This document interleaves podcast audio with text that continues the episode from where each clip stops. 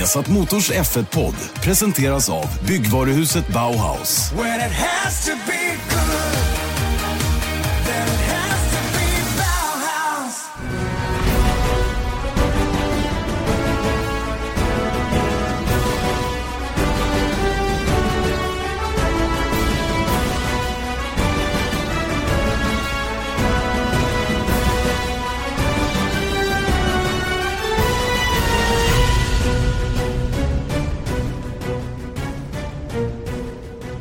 Hjärtligt välkomna ska ni vara till en ny Formel 1-podd. Formel 1-podden som eh, den här gången är faktiskt den sista för året. 2016 års sista Formel 1-podd alltså, men det kommer ju nya på andra sidan nyåret som bara är någon dag bort. Mycket välkommen säger vi till Erik Stenborg som vanligt som eh, firar mellandagar. Hur? Jag, är ut, jag hasar runt ut på landet kan Ja, jag skönt. konstatera.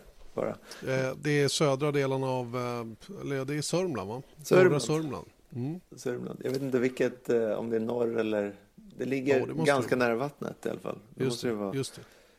det är väl östra delarna då? Ja, det får det bli. Det får det bli. Nord, nordöstra får vi säga att det blir då. Ja. Eh, hur som helst, eh, Formel 1-podden hör ni ju alldeles som vanligt då på iCast eller på A- iTunes, Acast, iTunes eller på viasasport.se. Eh, och sluddrar jag lite extra mycket så är jag fortfarande lite morfinstinn efter min eh, härliga knäoperation här. Och Det har varit, det varit rätt lugna dagar i soffan måste jag säga efter, efter det inträffade. Jag opererade med den 20 blev det va? Så den är en, en dryg vecka gammal nu då. Jag är lite orolig för dig med de här morfintabletterna alltså. Ja, du ser så otroligt avslappnad ut. De värsta humörsvängningarna är borta. Ja, det måste vara det. Ta liksom udden av din egen personlighet. Exakt, exakt. Eh, hur som helst så ska vi eh, prata Formel 1-podd ja. och det händer ju inte så här fasansfullt mycket just nu i Formel 1-världen de här dagarna. Det är ju det är alla, alla firar ju jul och vi har ju inte ens passerat nyåret. Det innebär ju att man överhuvudtaget inte får köra några bilar om man nu hade velat eller kunnat det. Eh, det är faktiskt körförbud under hela december månad, visste du det? Jag hade, jag hade ingen aning faktiskt. Mm. Men Ja, det, men det. makes sense. Ja, Nej, det är faktiskt, ehm, det är faktiskt körförbud under, eh, under hela, eh, hela december månad. Så det är först i januari då, om man nu skulle vilja eh, göra sån här shakedown eller vad man nu är tillåten att göra. Jag är inte riktigt säker på vad man faktiskt får göra förutom de officiella testdagarna. Men lite sån här, man får väl köra 100 kilometer, vad är det något, något sånt? Det är ju de där två stycken filmdagarna, eller det som kallas för filmdagar. Eh, det får man väl utnyttja, men det är väl antagligen inte på den här sidan av året. Då. Nej, inte på den här sidan året, nej. Men om Helt man klart. heter Red Bull och sätter eh, snökedjor på en Formel 1-bil så kanske det går bra att köra i Ja, Hanenkam M eller... just det. Det Det var ju lite fränt faktiskt, ärligt talat. Mm. Det är lite typiskt Red Bull när de skickade upp Formel 1-bilen med Max Verstappen eh, uppför um, Hanenkam. Ja, just det. Hanenkam som är kanske världens mest eh, berömda eh, störtlopp eh, och farligaste och som många då eh, av olika skäl då vill göra sätta likhetstecken mellan, mellan skidåkningens Formel 1 på riktigt allvar. Där. Mm. Du gillar eh, störtloppet där? Störtloppet i Hanenkam tycker jag är bland det häftigaste som finns att se. Tyvärr har jag aldrig fått möjlighet att vara där. Men eh, jag har kommenterat Hanenkam-rennen några gånger när jag jobbade på TV4 och eh, eh, bland annat när en amerikan vid namn Scott McCarthy tappade balansen precis efter målhoppet och, slog bakskallen i när han landade och bara låg och ruskade i målfållan. Det var fruktansvärt otäckt. Va? Och hela det där hela, hela avslutningen på det här eh, Formel 1 eller Formel 1-loppet säger jag, störtloppet är ju, är ju magisk att se. Alltså det är, för, äh, åkarna utsätts för några brutala svårigheter och vi minns kanske Axel Lund Svindal då som, Ja. Som hoppade ut över, heter det Mausfall? Nej, Hausbergkant heter det. När han kommer igenom den här Red Bull-portalen och sen över en kant. Och precis när man landar så ska man direkt börja svänga. Och sen så är det skrååkning, alltså med ena benet lägre än det andra. Hela vägen ner tills man kommer till själva målskjutsen ner. Han missade den där Hausbergkante och eh, voltade ut i näten där och, och eh, bröt väl någonting i alla fall tror jag. Eller man slet av ett korsband i knät eller någonting sånt. Ja, jag vet Ja. faktiskt att eh, det här, eh, nu blir det mycket störtlopp, men jag såg, jag undrar om det inte var på SVT Play som de hade en dokumentär om, om hur hjärnan fungerar i, hos idrottsmän tror jag, eller idrottskvinnor eh, generellt. Men då hade de satt då sensorer på Svindal när han ska köra Hannekamrem. Jag har någon tanke om att det var Beaver Creek, men det kanske inte mm. alls är... Jo men, det, jo, men det stämmer nog. För ja. Han hade ju en våldig krasch där, men jag tror att det du syftar på är någonting som han gjorde under ett störtlopp i, på, i Nordamerika. Om det var Beaver Creek eller ja. något annat utav dem där borta. Och då sätter de bara på eh, som, vad är det, så dioder liksom, så att man kan mäta hjärnfrekvensen och hur en, liksom, en proffsidrottsman eller kvinna då tar sig igenom rädslan. Att, mm. eh, nu kommer jag inte ihåg premisserna exakt, men det var väldigt intressant att se liksom, att de på något sätt, så, som jag minns det, så har de förmågan liksom, att trycka tillbaks rädsla och bara köra. Att mm. man ser liksom på hjärnbilderna att det bara liksom exploderar i, i liksom det som skulle kunna kallas rädsla. Men det, det skiter de i. Liksom. Att de har på något sätt den förmågan att de kan liksom bara trycka sig igenom en, en rädsla som skulle få dig och mig att få hjärtinfarkt antagligen. Och jag, jag hävdar ju att det är den här förmågan som Axel Lund Svindal med några till eh, den förmågan som de faktiskt har som gör dem till så otroligt stora inom det här gebitet. För det finns störtloppsåkare som naturligtvis är duktiga på att åka störtlopp men så fort att det blir farligt så blir de en, en och en halv sekund för långsamma. Mm. Eh, till exempel i Hanenkam eller om vi tar Vängen som är det kanske längsta störtloppet av, störtloppet av dem alla över fyra kilometer som är helt brutalt för, för kroppen. Liksom att de som inte riktigt vågar ta de där sista riskerna eller har den här förmågan att trycka bort rädslan helt och hållet gör att de istället blir lite passiva och först och främst tappar tid då, men också riskerar ju faktiskt att krascha svårt. För det är ju när man ger full insats, det är då man har största chans att klara sig genom de här svåra, svåra racen tror jag i alla fall. Mm. Jag har ju inte provat själv direkt men... Nej, men jag minns också att vi pratade om, eh, jag tror att det var du som gjorde den intervjun med, eh, när vi gjorde ett reportage om eh, Robert Kubica. Mm. Alltså den eh, polske F1-föraren som eh, skadade sig eh, Eh, i rallyt. Eh, när han pratade om vad som utmärker Kubica och det var just att när de, eh, Riccardo Ciccarelli, han, gör, han har driver det här Formula Medicine som bland annat Marcus Eriksson är inblandad i och de gör ju som, eh, de jobbar ju mycket med hjärnan hos förarna. Och då eh, Eh, gör de ju så mätningar under kontrollerade förhållanden och sånt där. Men då hade de tittat då på eh, Kubica och det var som att, han, som han förklarade var att han, det lät nästan som ett psykfall, alltså att Kubica var det, för att han hade liksom inte förmågan att bli nervös på något vis. Minns du det här? Mm, mm, jag minns det. det, är, det är fascinerande med vissa typer av människor som, som har de här egenskaperna som, som gör dem till bättre än andra. Mm. För, jag, för, jag, för jag hävdar att det är sådana här grejer som i slutändan blir avgörande för om du blir riktigt framgångsrik eller bara delvis framgångsrik. Eh, vi, vi, kan ta ett, ett, bra exempel på två förare som är ganska olika som personer och som också haft olika mycket framgångar. Ta Lewis Hamilton, Jenson Button. Mm. Två väldigt, väldigt kapabla racerförare båda två. Men bara den ena av dem har varit så superframgångsrik. Den andra har varit framgångsrik på en lagom nivå. Mm. Förstår du vad jag menar? Och, och, jag tror inte att det skiljer speciellt mycket i fart de två emellan. Åtminstone inte de gånger de har kört likadana bilar och sådana saker. Va? Så, så är det ju oerhört små skillnader. Och då kommer vi ner på de här små detaljerna uppe i huvudet som, som man kanske måste plocka fram då vid enstaka tillfällen. Och det är det som gör en, en bra till en riktigt, riktigt bra eller stor förare på allvar. Mm. Det är väldigt intressant och då kommer vi in på den här då som kanske var ganska mentalt stark också. Den tidernas största. Just det. I Formel 1-sammanhang. Tidernas största, ja, det är ganska exakt tre år sedan som han eh, kraschade på skidor eh, under en eh, semesteråkning uppe i Alperna och slog i huvudet så illa att han eh, sedan dess då eh, inte har kommit tillbaka och vi vet egentligen inte statusen. Vi pratar förstås om Michael Schumacher, eh, tidernas största, eller en av tidernas största Formel 1-förare i alla fall, sjufaldig världsmästare som han är och med en hiskelig massa rekord.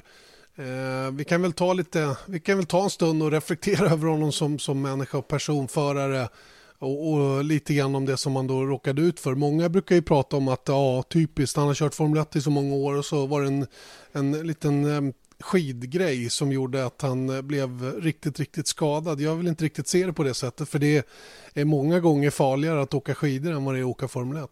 Ja, det har ju visat sig. Eh, det är fler som dör på det eh, än på i Formel 1 så att säga. Men mm. även jag tror att också att det är nog fler som skadar sig överlag i, eh, i, på skidor än på Ja, det, du är ju helt oskyddad på skidor. Du är helt oskyddad på skidor i det avseendet. Sen, sen var just den här situationen att åka ut lite off-pist och fastna på en sten och, och, och, ramla och slå huvudet i en annan sten och allt vad det nu har fått för konsekvenser. Men eh, vi, vi sitter ju här och pratar störtloppsåkare.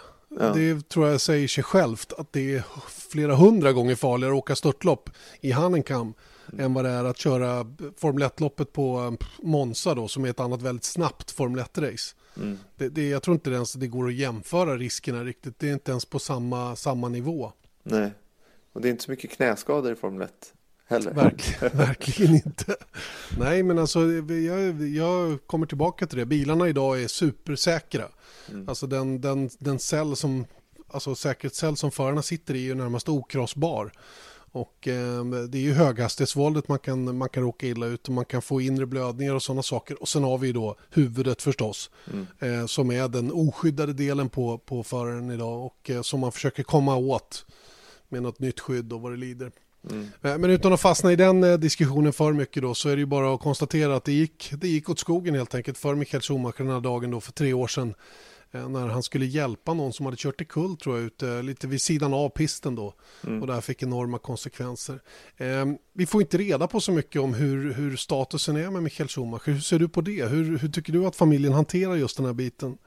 Jag, jag, jag tänker, jag, jag kan ju samtidigt som man i allra högsta grad förstår att man vill hålla saker och ting privat och speciellt då, men det kanske tyder också på att det inte är så bra eh, tänker jag i alla fall. I och med att det finns ingenting att rapportera, alltså är det massor av stora framsteg som, eh, som sker hela tiden, då vill man ju säkert eh, rapportera dem också. Eh, kan jag tänka mig. Men sen så är det väl, han har ju alltid varit ganska privat eh, person. Han har varit en offentlig person men en privat eh, eh, kändis så att säga. Han har ju inte varit han, så har ju han har hållit väldigt mycket på den personliga eller på det privata, så att säga, den privata sfären. Den har inte varit allmän, allmän tillgång på, så att säga. Va? Nej, exakt. Så då, då känns det ändå som att eh, man kanske inte behöver vara så förvånad över att de, att de väljer det. Och sen så kan man ju tycka att han har ju så otroligt mycket fans och eh, sådant som skulle uppskatta tror jag att höra mer om hur det faktiskt ligger till. Men jag tror att eh, antagligen eh, tre år som sagt så finns det kanske inte så mycket positivt att, att säga och då kanske det är bättre för alla så att säga att man, man minns honom som den han var, inte den som han är nu. Men, men um, är familjen skyldiga alla fans en uppdatering tycker du? För det har vi egentligen inte fått, inte en enda. Vi vet ju att han slog sig illa, att han är sjuk, mm. eh, förmodligen så illa där han att han inte klarar sig själv eh, och sådana bitar. Va? Det, men det är knappt att jag vet det här alltså, utan det här är ju fortfarande rena spekulationer. Vi har inte fått något läkarutlåtande, ingenting sånt. Är familjen skyldig en uppdatering tycker du? Eh, för alla de fans som har följt honom under alla dessa år och som nu hänger i luften lite grann? Jag, jag, jag, tycker faktiskt inte det, för jag, jag, det är liksom, han är ändå sin egen person eller sin egen familj. Och eh, jag, eh, det finns säkert, de har sina anledningar och, eh, till att hålla hårt på det, tycker jag. Vad säger du? Mm, mm.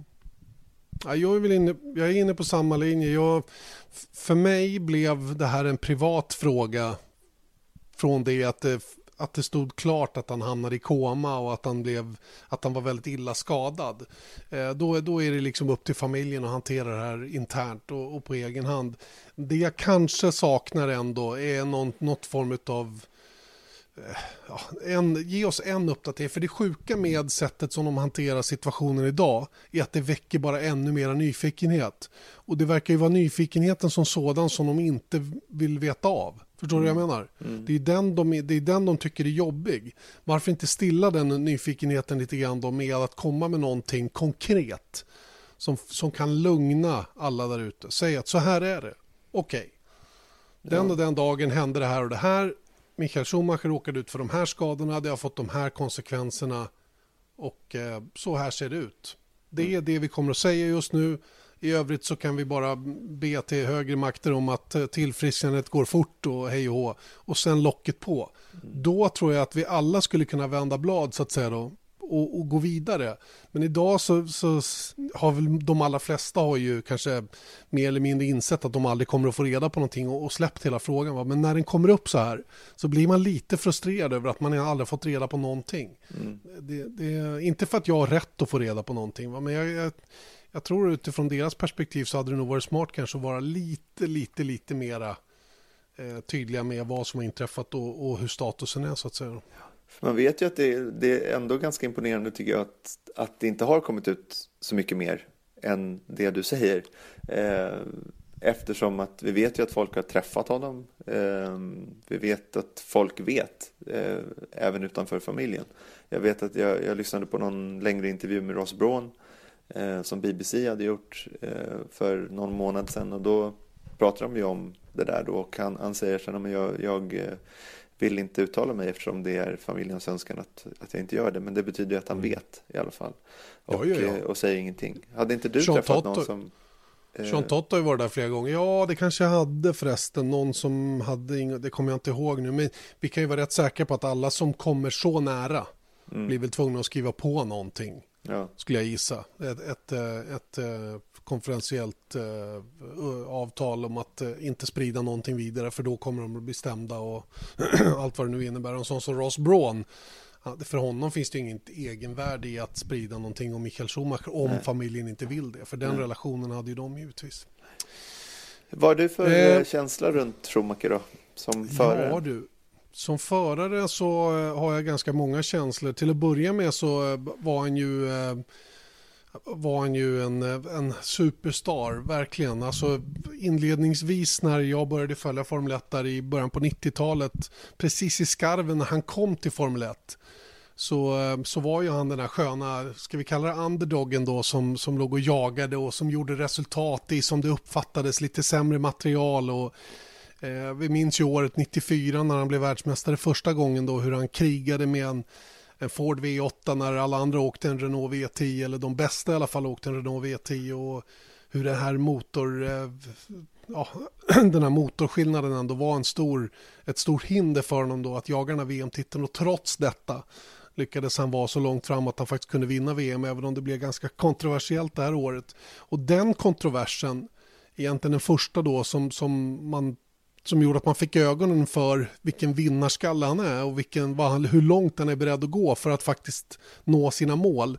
Det var ju första gången man började ana att det finns en ganska elak person här inne också. Inte mm. elak så, men du fattar vad jag menar. Alltså, en ganska brutal. Ja, precis. Brutal och hänsynslös person inne i den här kroppen som samtidigt var så gudabenådad på att köra racerbil. Eh, och sen, sen allt eftersom åren gick så, så gjorde han ju det, eh, den ena stora grejen efter den andra. Han vann titel efter titel och dominerade och, och hela den grejen. Men samtidigt hände det massa små grejer hela tiden som, som, som liksom eh, gnagde på hans, mm. på hans gloria lite grann. Det gjorde, han gjorde det svårare och svårare att tycka om honom på det sättet. Va? Förstår du vad jag menar? Ja, att, att, att gemene man skulle tycka att han var förtjänt av det. För mm. Eftersom han var så hänsynslös. Jag håller med dig. Mm. Det var de här eh, små, små grejerna. Jag menar Österrike 2002, det var ju fruktansvärt och de scenerna som, som utspelade sig där. Och, och eh, hur Jean Tott tvingade Barrichello att flytta sig för att, eh, för att Schumacher skulle vinna redan i sjätte VM-deltävlingen det året. Mm. Make, eh, och, make Michael pass for the championship. Ja, precis. Va? Och det där var ju någonting som, som Schumacher och Willy Weber hade förhandlat in i kontrakt och sådana saker. Va? De var ju oerhört medvetna om vad som krävdes för att nå de här enorma framgångarna. Mm. Och, och, till, till, deras försvar så måste man ju säga att de levererade ju också framgångarna till Ferrari då mm. i, i, det tillfället. Då. De, de var ju, de, det är kanske inte det sportsligaste man kan, man kan pyssla med och, och hela den biten. Va? Men i den här sporten som kräver så oerhört mycket av material och sådana saker så var väl de medvetna om att all, de behövde allt, allt på sin sida för att verkligen nå eh, de här exceptionella framgångarna. Va? Mm. Sen, sen eh, parkeringen i Monaco är en annan sån där grej som bara liksom förlöjligar en så pass duktig racerförare som Michael Schumacher ändå var. Mm. Det, det, han gjorde var ju att eh, han hade preliminär pole och han mm. visste att Alonso var längre bak på banan. Och, och hade ett snabbt varv på gång. Ja, och eh, då innan han åker in i depå va, så är det i raskast sista kurvan, sista ja. skarpa kurvan. Eh, så bara låtsas att han eh, understyr rakt in i, i väggen, lite lätt sådär. Eh, och det kommer jag, det var 2000 Fyra va? Fyra. Eller var det sex? Sex, sex, sex eller fyra? det var. Sex att det var. Ja, det var ja. Eh, Alonsos andra VM-säsong. Men det minns jag faktiskt. Då satt jag hemma i tv-soffan och tittade. att Då var ni väldigt snabba på eller Eje var väldigt snabb på så här, om det nu var mm. eh, ett misstag. Och då kommer jag ihåg att du sa den med smör på. Vad din, mm. var din reaktion på det? ja, det var lite det, det, var en, det var en sån här, det var, ja, för mig var det tydligt vad, vad som hände den gången och vad det skulle få för konsekvenser och hela den grejen. Och det fick ju också konsekvensen att han fick starta alla längst bak. Mm. Han var ju diskvalificerad från kvalet och fick starta 22, tror jag det var den gången. Eh, en annan sån här händelse är ju den på Jerez 97 då när han är på väg att ta sin första VM-titel för Ferrari redan andra året tillsammans med sitt nya team. och när eh, Jacques Villeneuve överraskar honom och försöker köra om honom då och eh, Schumacher då som det uppfattades och som det också dömdes styrde på eh, Villeneuve då med avsikt. Mm. Det enda som hände var dock att han själv blev stående i samfållan och inte kunde fortsätta. I efterhand så ströks alla hans förarpoäng och han fick noll poäng den här säsongen. Och Ferrari däremot fick behålla sina, sina konstruktörs-VM-poäng tror jag det var den gången. Då. Men det är den där typen av prylar som, som återkommande flöt upp till ytan när det gäller Michael Schumacher. Och det var det här som var så svårt att ta in och, och balansera upp med allt det fantastiska han gjorde på banan mm. samtidigt. Och det är väl därför det har börjat diskuteras runt eh, Schumachers stil då, apropå Verstappen i år.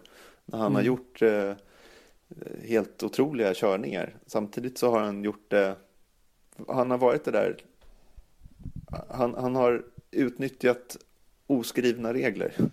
Eller han har inte följt oskrivna regler. Att man inte gör saker som kanske kan äventyra någon annan förare. Mm.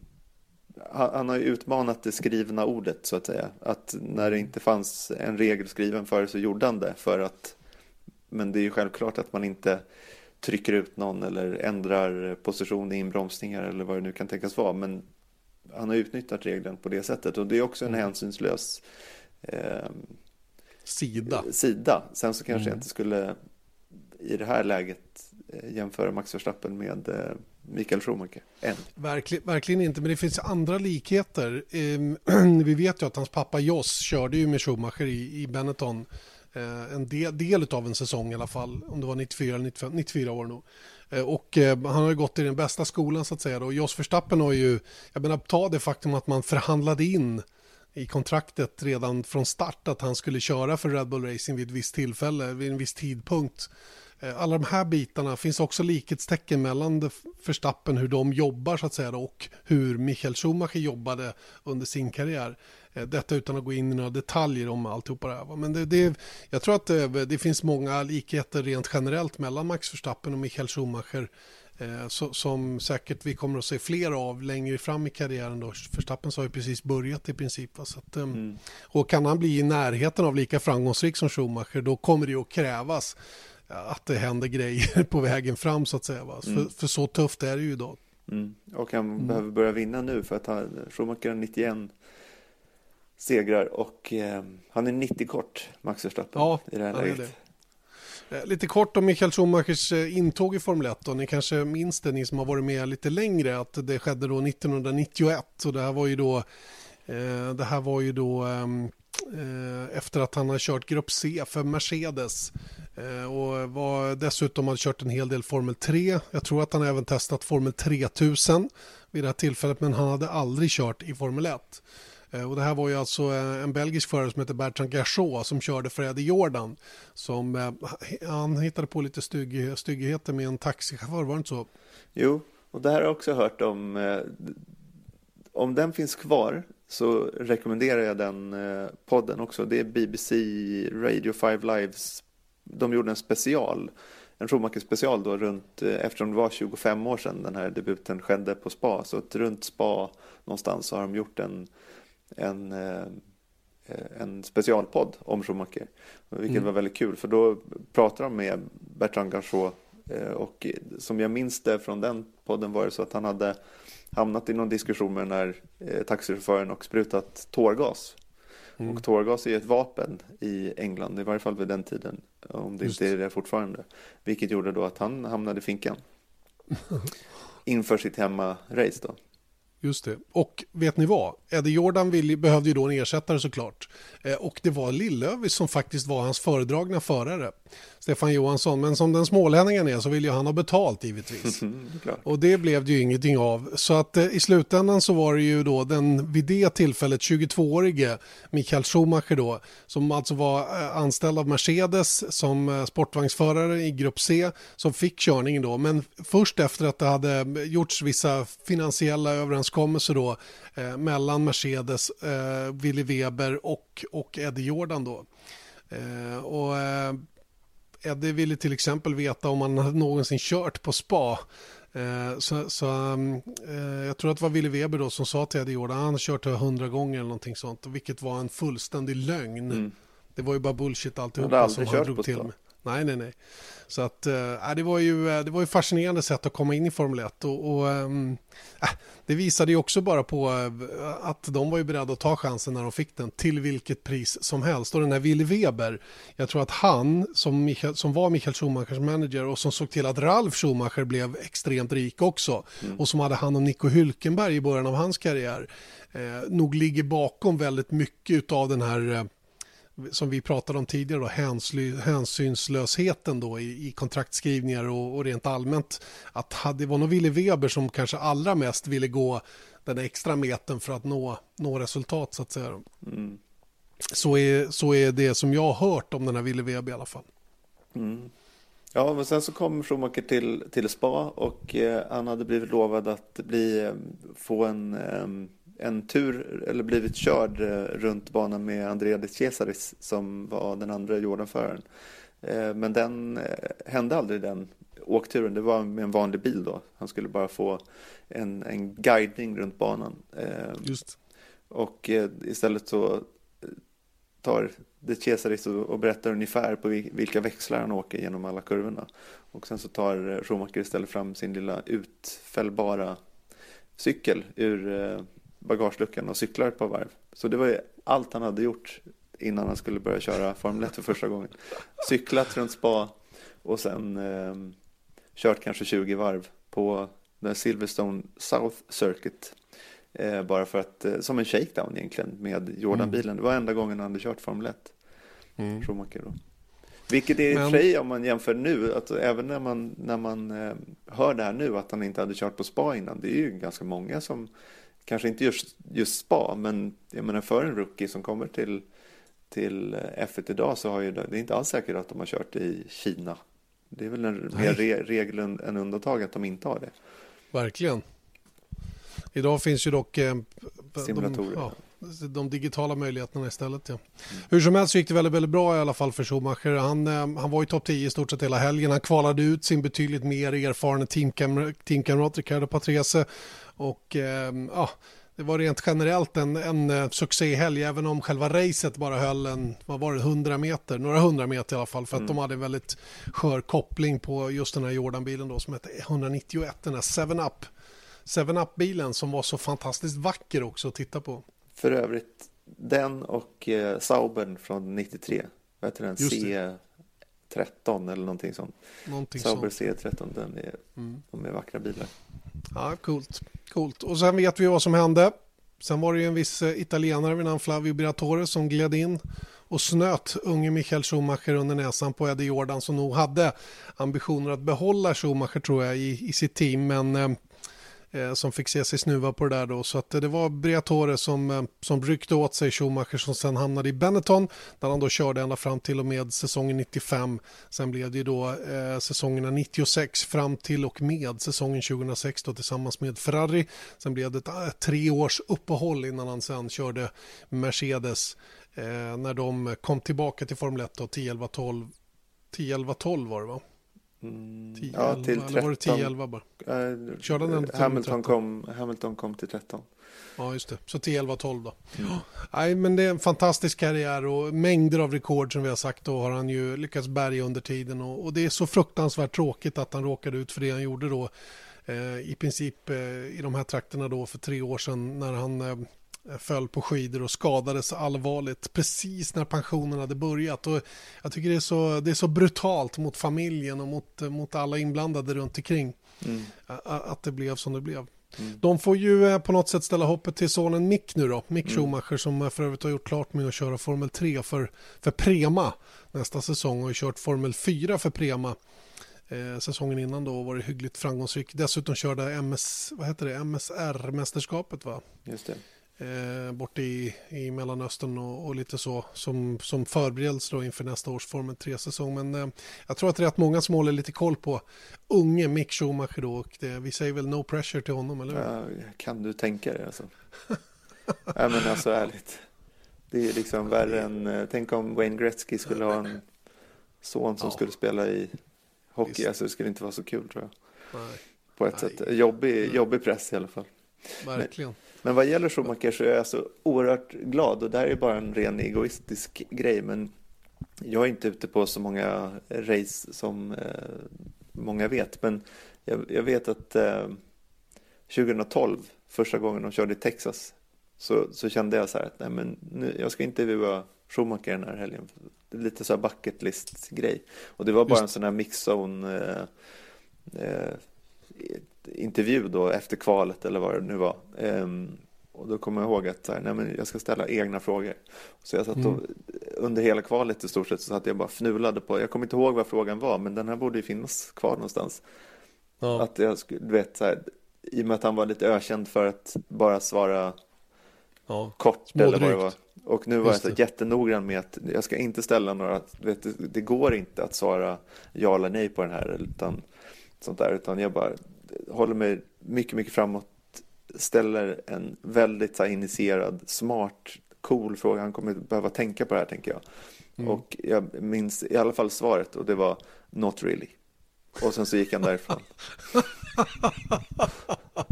Åh, oh, vad fantastiskt. Ja, jag, var... har en, jag har en liknande mm, faktiskt händelse och det var Race of Champions på, mm, på Wembley. Mm. där där Michael Schumacher var med och körde. Och eh, jag eh, var där och rapporterade, eh, både kommenterade och rapporterade. Eller jag kommenterade nog inte, jag var nog bara där och rapporterade för vi gjorde någon, något sammandrag i efterhand sen. Och jag hade ju också ambitioner att prata med Michael Schumacher, the great one liksom. Mm.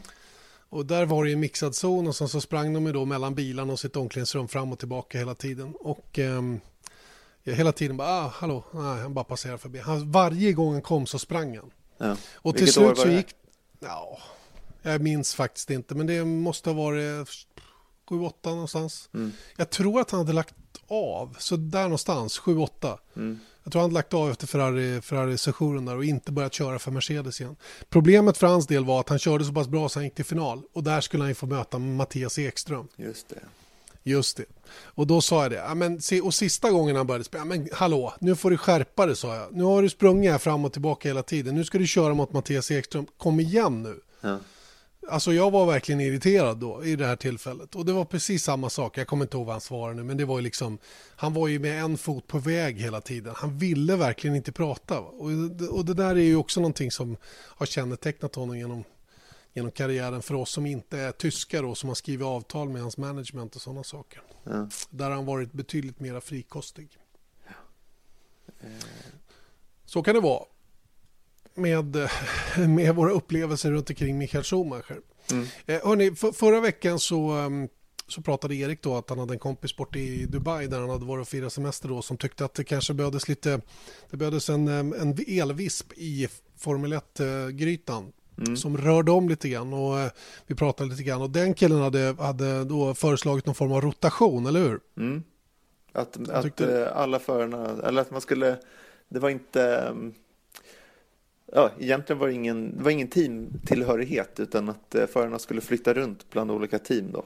För att det. det. skulle ju dels skaka om eh, mästerskapet av uppenbara skäl men också skulle man ju få en, en, en blueprint på hur bra faktiskt förarna är. Exakt. Och eh, till att börja med så avfärdade vi alltihopa det här som någonting som är helt omöjligt att genomföra, för det är det.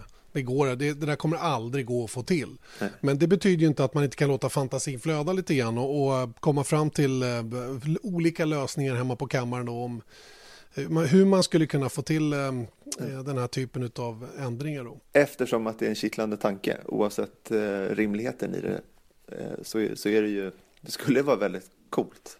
Tänk dig Absolut.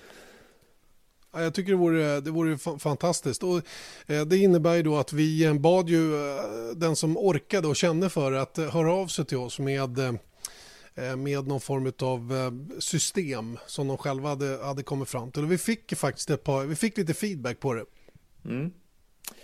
Vi har Lars Sjödin först och främst. De skickade till dig en, ett för, rent konkret förslag helt enkelt på hur det här skulle kunna tänkas funka. Och det är ungefär eh, som följer, du får följa på. Eh, men att man skulle då se till då att alla förarna kör varje bil under ett race under mm. säsongen. Vilket mm. då skulle betyda att eh, det skulle vara 22 lopp, 22 förare och 22 bilar.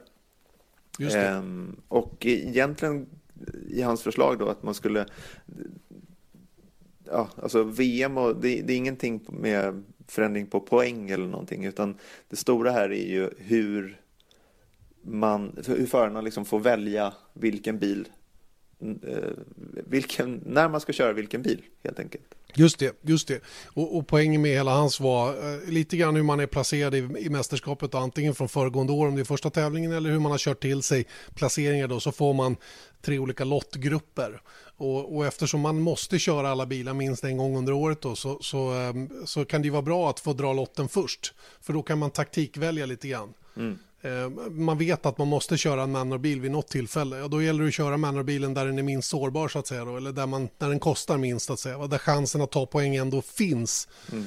Och sådana grejer då. Så, och, och, där, man, där man kan ta poäng med fler än en bil. Där kanske man ska vara lite vidare i sitt val än att bara gå för den bästa bilen då när man, när man får chansen och så vidare. Det är ja. ganska, ganska smart uttänkt system, mm. även om det här naturligtvis också more or less är en utopi, ja. verkligen. Men, eh, Men det, det som jag verkligen tar fasta vid är just den där grejen att, att man, man vet inte på förhand vilken eh, bil, om, om vi tar Marcus Eriksson, han drar en lott då inför säsongen och sen så är man i Australien och då tänker man så okej okay, men var, då kanske man tar man kanske väntar med att ta de allra bästa bilarna där. Eh, man kanske tar Manor-bilen i Monaco där den bör vara eh, minst eh, handikappet är som minst i Monaco för där kan det hända andra grejer även om Just. man kvalar sist och, och, så vidare och till exempel de här taktiska tankarna då runt om, om det är ett back-to-back race att det är kanske då man vill ha eh, okej okay, nu har jag båda mina körningar med Ferrari här och då kanske man vill köra dem två veckor i rad då, så att man kommer in i matchen och, och, och, lite sånt där. Och sen så är det ju också lite så här hur man då behöver bygga bilarna. Har en, han är otroligt imponerande eh, och genomgående eh, utförande av den här mm. Mm. Eh, förslaget. För det är liksom allt, han har tänkt på allt. Att, eh, Verkligen. Att hur man, man bygger att, bilarna och, och, vikter och hur mycket stolarna ska väga och allting sånt där. Just det, och att lottningen sker på måndagen efter racet så att man har så mycket tid som möjligt då för att göra förberedelser inför nästkommande race då där man förhoppningsvis då ska köra någon annan bil då. Mm. Mm. Sen så ett helt annat förslag som kom in var eh, kanske ett lite mera rimligt förslag som inte har att göra någonting med rotation. Men däremot om hur eh, poängfördelningen skulle se ut. Mm. Och då har vi då i det här förslaget från, som kom från Dennis och du kunde... Nodge. Nodge tror jag det uttalas. Eh, Nodge. Den är som troligen har ungerskt påbrå. Ja, Dennis. Han får rätta oss.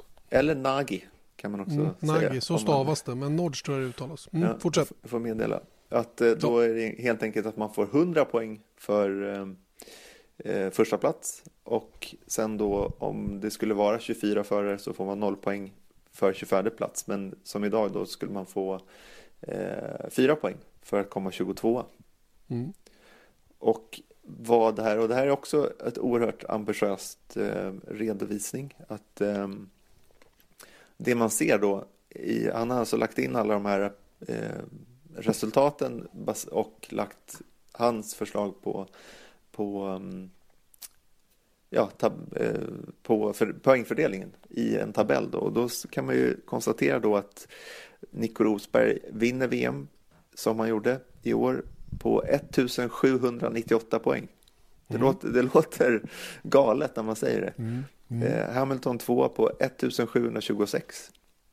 Eh, men det som man kan verkligen titta där på, vi ska ju lägga ut de här på din blogg. På eller min blogg kommer de här. eh, eh, precis, vi lägger upp de här. Mm, så det är därför vi inte går igenom dem eh, helt eh, superdetaljerat. Men det man kan konstatera är att mittfältet är något överjävulskt jämnt. Mm. Och jag tror att eh, verkligen att, att ge poäng, jag tror att vi varit inne på det här i en tidigare podd också, men att, att ge poäng till alla förarna skulle faktiskt vara väldigt intressant i form av att bryter du en tävling, då tappar du poäng. Alltså ligger du 16 plats nu, då det spelar ingen roll om du, i praktiken så spelar det ingen roll alls eh, om du kör Nej. in, om, om du har en som bäst en elfte plats tidigare under säsongen så är inte den där 16 platsen värd någonting. Nej, det är det faktiskt inte. Den är, den är, den är helt värdelös. Helt plötsligt då så blir det, är det 20 varv kvar och du har eh, en motor som håller på att gå, gå sönder. Ja, men det är ändå värt att få fyra poäng för att komma Mm. sist. Mm. Eh, plus att det skulle vara en, ett större incitament tror jag att fightas ännu hårdare. Plus även i mediateckningen tror jag att helt plötsligt så skulle det bli positionsförändringar utanför topp 10 eh, i, i VM vilket gör att vår teckning hade behövt vara mycket mer heltäckande. Just det. Så jag tror det finns bara fördelar egentligen med att, att dela ut poäng till, till ehm, alla. Jag undrar egentligen varför det där har egentligen aldrig varit ehm, när man har pratat om alla de här förändringarna som, som de ledande inom sporten då tyckt vi behöver så har poängfördelningen nästan aldrig kommit upp till ytan. Undrar om det har att göra med att Bernie är lite för det, det är många gånger han som, som är med och, och drar i trådarna i alla fall. Att han på något sätt eh, vill att det ska se ut som det gör. Av den enkla anledningen att eh, det har att göra med pengafördelning och sådana saker. För har han någon annan agenda i det än, än för det skulle ju vara lättare att sära på alla om det var poäng till fler förare än det är idag så att säga. Va? Och eh, nu vet inte jag om det ens var med på den här undersökningen som, eh, som skickades ut till fan, den här fansundersökningen om poängfördelning var, in, var, in, var involverad där. Nej, jag, kommer vet ihåg. inte heller faktiskt. Jag, jag gjorde den faktiskt inte själv. Men jag, jag tycker att eh, det... Jag ser inga... För att jag menar fortfarande att på, de här pengarna som delas ut baseras ju på konstruktörs-VM. Och jag Mm. menar, även om folk tar fler poäng, det, det är ju inte så här att en poäng är värd, utan det är ju positionen i, i tabellen. Verkligen. Så att även om du har, har eh, 100 poäng på åttonde plats så ger ju inte åttonde plats mer pengar än Nej. vad det gör om du har åt, åtta poäng. Nej, nej, nej, inte alls. Utan det är ju mer att det blir lättare att rangordna då. Att, det fin- att det, man öppnar ju för mer heta fighter längre ner i fältet. Mm. Det är ju så man skulle kunna se på det då om man vill det. Nåväl, eh, som sagt, de här förslagen ska jag försöka att paketera ihop och eh, publicera då på, på, eh, på min blogg. Så hoppas jag att ni ska kunna gå in och kommentera dem där eller komma med egna förslag eller vad man nu vill göra. Det är helt okej och upp till var och en naturligtvis om man orkar och känner för det. Jag vet att några redan har börjat skissa på lite olika förslag som redan ligger i kommentarsfälten där för tidigare bloggar. Eh, innan vi slutar då den här sista podden för året så kan vi prata lite grann om Pat Simmons senaste uttalande angående utveckling av årets bilar. Och det här är lite intressant för eh, vi har ju haft några stora regelförändringar då. Senaste var ju då eh, 2014, eller inför 2014 givetvis, då med införandet av hybridmotorer. Den dessförinnan var ju den som skedde då inför 2009.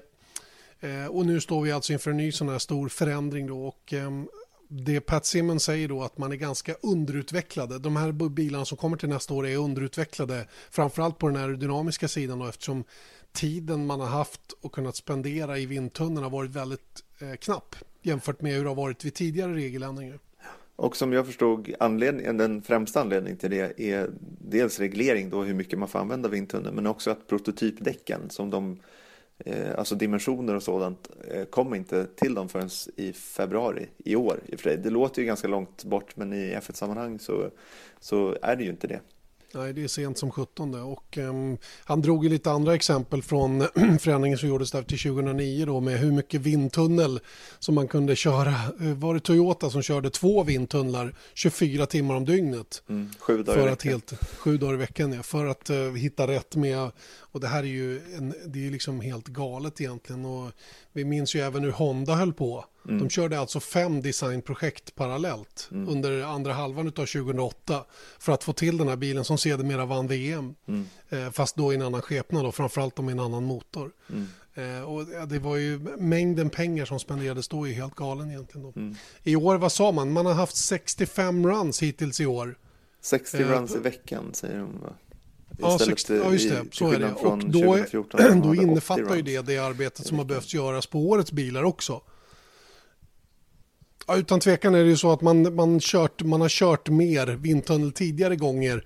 Det har, det har gjort stora regelförändringar än det har gjorts till den här gången i alla fall. Och det, det är väl det som föranleder Pat Simmons kommentar om att nästa års bilar är underutvecklade när de väl kommer ut på banan till nästa år. Vilket sannolikt betyder då att vi kommer ha en ganska brant utvecklingskurva i början av nästa säsong. Mm, vilket också kan vara ganska kul för att då, då kan det bli så att om någon eh, på testerna ett team eller ett par team eh, är dominanta så betyder inte det att det behöver inte vara kört så att säga. Det kanske är någon som dyker upp framåt mitten av säsongen. Så länge de har mm. resurserna att utveckla. Just det, fast problemet är att har man någorlunda fart redan från start så bygger man ju på det vidare så att säga. Va? Så skaffar man sig ett försprång tidigt, visst det finns ju möjligheter att gå ikapp men det, det, jag tror att de andra ska vara jäkligt oroade om de känner direkt att de är kanske en sekund off pace jämfört med den som visar sig vara då den dominerande parten så att säga under de inledande testdagarna. Så att, ja, det, jag tycker att försäsongstesterna som kommer den här gången, de, är de, de kommer att bli de roligare på många, många år. Förra gången vi hade den här förändringen inför 2014, då var det så mycket strul med motorerna. Mm. De körde ju knappt någonting.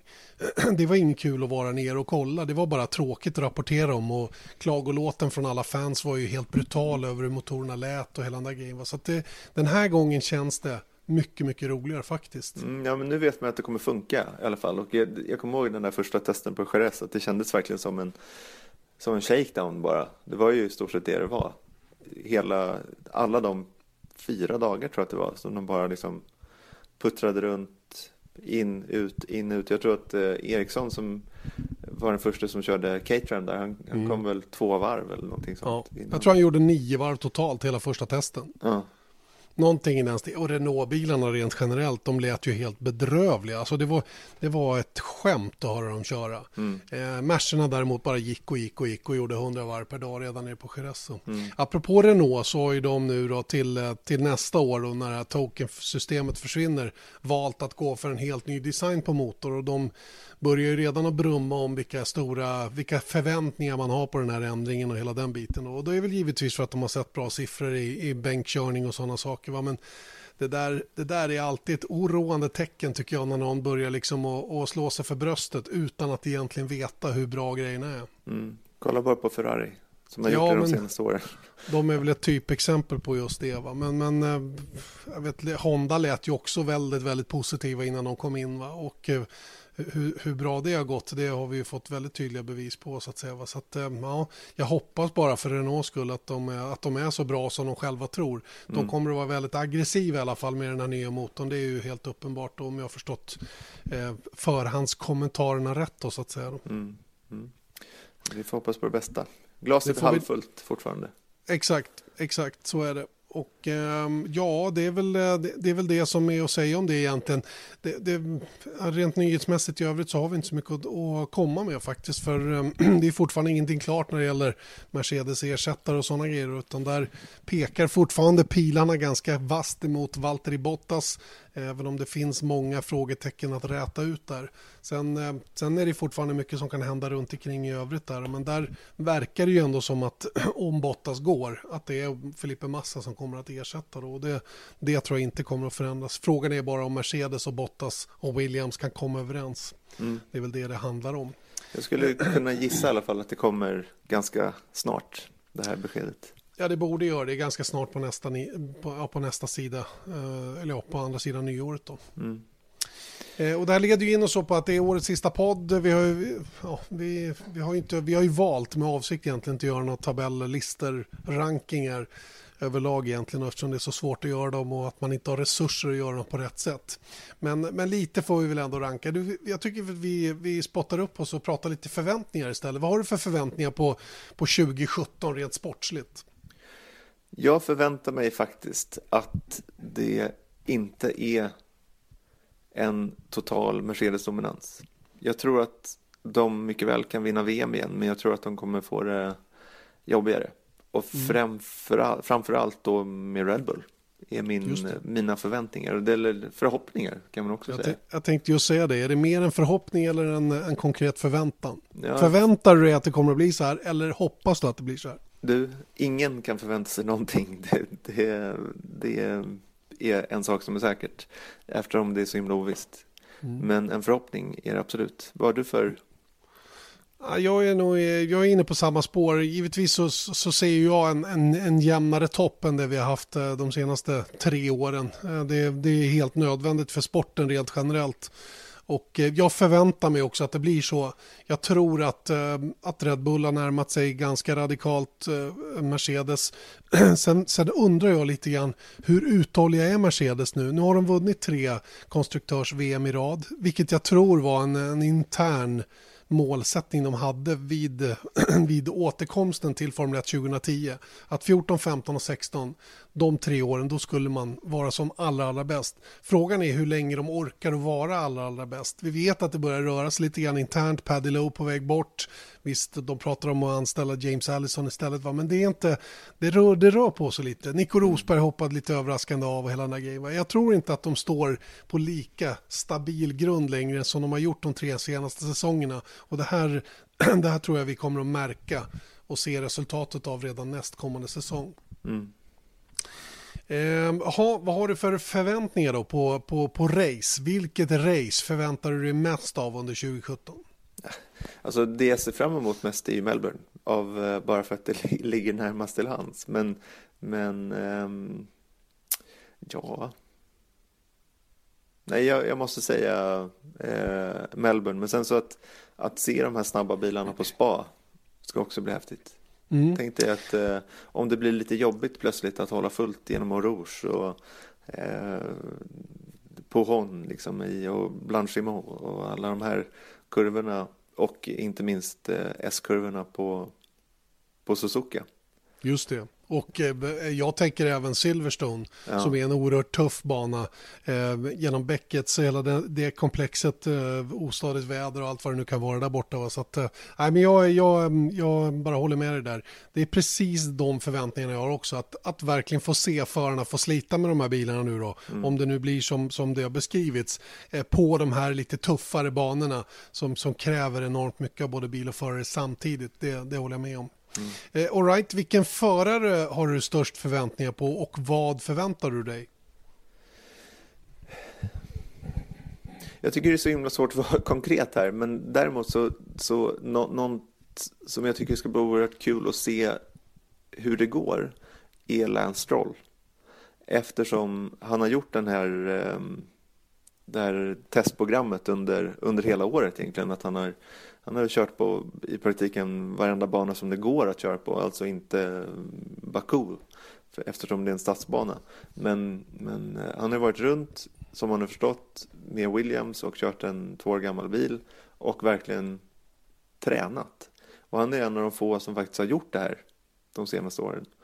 Vad vi vet. För att jag menar runt Verstappen och sånt, han gjorde säkert eh, mycket men inte på det här viset eftersom det inte kommit ut i alla fall. Eh, jag, jag skulle vilja se vad, vad det ger för effekt egentligen. Jag håller helt med dig där. Och Lance Stroll är ju spännande på många, i många avseenden då. Han är, han är ju en duktig racerförare, det har han ju bevisat. Han har vunnit Formel 3 och hela den grejen. Då. Men det är ett stort steg som han nu tar och nu är det liksom upp till bevis lite grann att se hur talangfull han verkligen är. Och framförallt kommer vi att få ett väldigt, väldigt bra kvitto på hur mycket sån här träning är värd. Mm. Ja, det, det, är precis är det, är det, jag menar. Att det är just, ja, jag fattar. Det är just, eh, inte just att det är klart att den är värd någonting, men just sett till någon annan rookie då. Nu har ju van Dorn, mm. som väl är egentligen den ena, enda andra rena rookien va? Mm, jag tror det. Fast han är inte heller ren. Ja, vi, han har ju för gjort vi, ett, ett, race också. Men, men, vi vet inte det ännu ska vi väl tillägga. Då. Det nej. kan ju komma någon till i då. Men, men eh, visst, van Dorn är ett bra exempel att jämföra med. Ja, han är i och för sig också bra förberedd eftersom han fick den där racet i, i Bahrain. Men det var ju nästan ett år sedan. Mm. Eh, så att eh, det ska bli sjukt intressant att se bara hur, hur han håller sig mot massa till exempel. Mm. Mm. Om och det sen, blir han ja. Ja exakt. Ja, men det, vi, vi, vi, får låtsas att det är så. Och sen som det exakt. nu är Bottas så är det klart att eh, som hamnar i Mercedes så ska det bli sjukt intressant att se vad han kan göra mot, mot en, eh, en Hamilton som är hemmastad minst sagt i Mercedes. Verkligen. Ja, det, mm, det kan bli tidernas misstiming från Bottas sida eller så kan det bli tidernas succé. Mm. Eh, själv har jag väl också lite förväntningar på, som du sa, Stroll. Då, men jag, jag, är lite, jag har stora förväntningar på Marcus Eriksson också. Jag, jag, tycker det ska bli kul att se. Och det leder in oss på nästa, nästa del också, nämligen team. Mm. För att eh, jag har enorm, enorma förväntningar på, på Sauber som team betraktat. Och då ingår ju Marcus Eriksson givetvis då den han nu får som teamkamrat. Eh, för, för jag tror att det här är det teamet som kan göra de största förbättringarna från 16 till 17. Mm. Eh, sett till det återbyggnadsprogram som ändå pågår. Jag tror inte vi ska liksom skena iväg och tro att de ska bli något eh, topp 7, topp 6 team på en gång. Men eh, kan man ta sig från eh, bottenskrapet upp till att vara reguljärt topp 15 så har man gjort ett enormt steg framåt och det är nog, det är nog på den nivån jag skulle vilja sätta det då. Men eh, som sagt, eh, jag, jag, vet att det, det, är en, eh, det, är en, eh, det är en nybyggaranda som pågår där i Sauber-teamet och jag, jag, ska bli, jag är oerhört spänd att se vad det kommer att leda till så att säga. Mm. Jag tror inte heller att, jag har ingen förväntning på att de ska göra det, men jag har en förhoppning om att de ska ta samma steg framåt som de gjorde bakåt till 2016 års säsong. Så att de i alla fall kan ta de där eh, poängen. Man kan skrapa ihop, eh, ja, som Nasser gjorde, var det inte 20, 27 poäng? Liksom, ja, någonting att, sånt. Att det är möjligt i alla fall. Mm. Nej, men visst, det, det låter väl som en eh, både förhoppning och förväntan vi kan ha på, på Sauber-teamet inför 2017.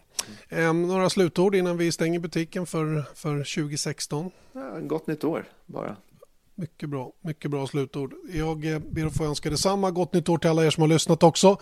Hoppas ni hänger med oss också på andra sidan nyåret för om en vecka. Då är vi tillbaka nämligen med en ny F1-podd igen.